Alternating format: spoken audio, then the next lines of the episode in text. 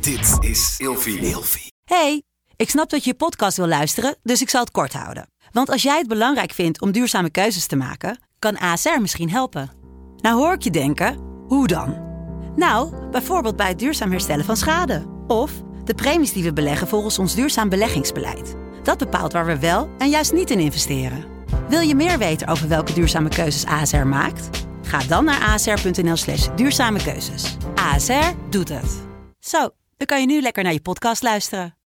Eindeloos aan het woelen en draaien in de nacht en hou je je partner wakker? Het kan zomaar zijn dat je toe bent aan een nieuw bed. Gelukkig geeft Emma Sleep je nu 10% extra korting met de code RELATIEVRAGEN in hoofdletters. Op bijvoorbeeld de Emma Super Slaapbundel, waar je het bed gratis bij krijgt. Dus ga snel naar emmasleep.nl en bestel jouw bed. Ik ben Inke Nijman en ik deel graag als relatietherapeut en seksuoloog mijn gedachten met jou in deze podcast. Aantrekkelijk vinden. Daar zit hij dan. Voor het eerst zonder zijn vrouw op de bank.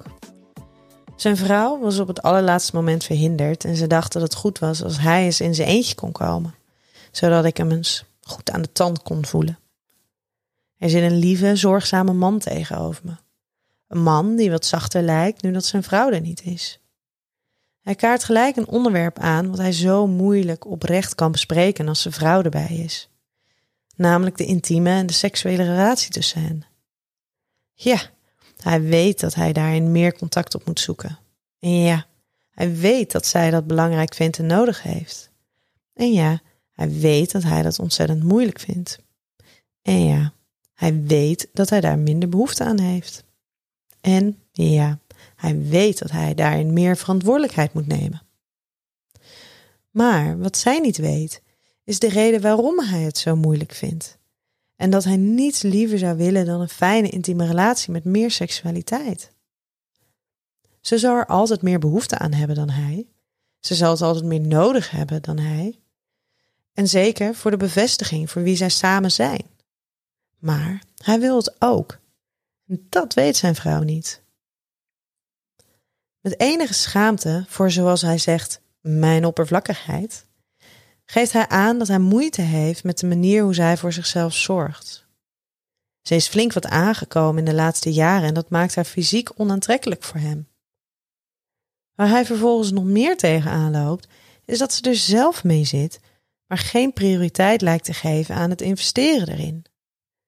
Hij maakt zich zorgen om de gezondheidsrisico's en wordt hierin geleid als hij naar haar kijkt.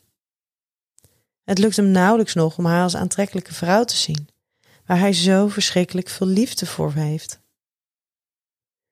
Als hij het bespreekbaar zou maken, zou het voor haar alle twijfels bevestigen. Dus je vindt me onaantrekkelijk. Dus hij besloot om niets tegen haar te zeggen, maar het hier wel met mij te delen. Maar is het zo oppervlakkig om moeite te hebben met het beleven van intimiteit en seksualiteit op het moment dat jij je partner fysiek minder aantrekkelijk vindt worden? Ik kan me voorstellen dat een boel mensen hier gelijk hun oordeel over zullen hebben, of het niet zullen begrijpen, want je houdt toch van elkaar?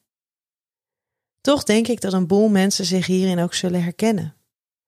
Liefde en intimiteit gaan voor het grootste gedeelte over houden van, over veiligheid, geborgenheid, vertrouwen samen zijn en de persoon in zijn geheel. Maar hoewel seksualiteit voor veel mensen ook daarover gaat, gaat het ook over seks. Over seksuele aantrekkingskracht, over opwinding en seksuele prikkeling. Het uiterlijk van je partner kan hierbij van groot belang zijn. En nog meer kan de verwaarlozing van het uiterlijk of de gezondheid een enorme rem vormen op de seksuele relatie. Vooral het aspect van verwaarlozing is hierin belangrijk en dus het uitblijven van een stuk zelfliefde. Liefde voor jezelf, voor je eigen lichaam, het investeren in je eigen gezondheid zijn belangrijke factoren die absoluut niet oppervlakkig zijn, maar de behoefte aan intimiteit en seksualiteit sterk kunnen beïnvloeden.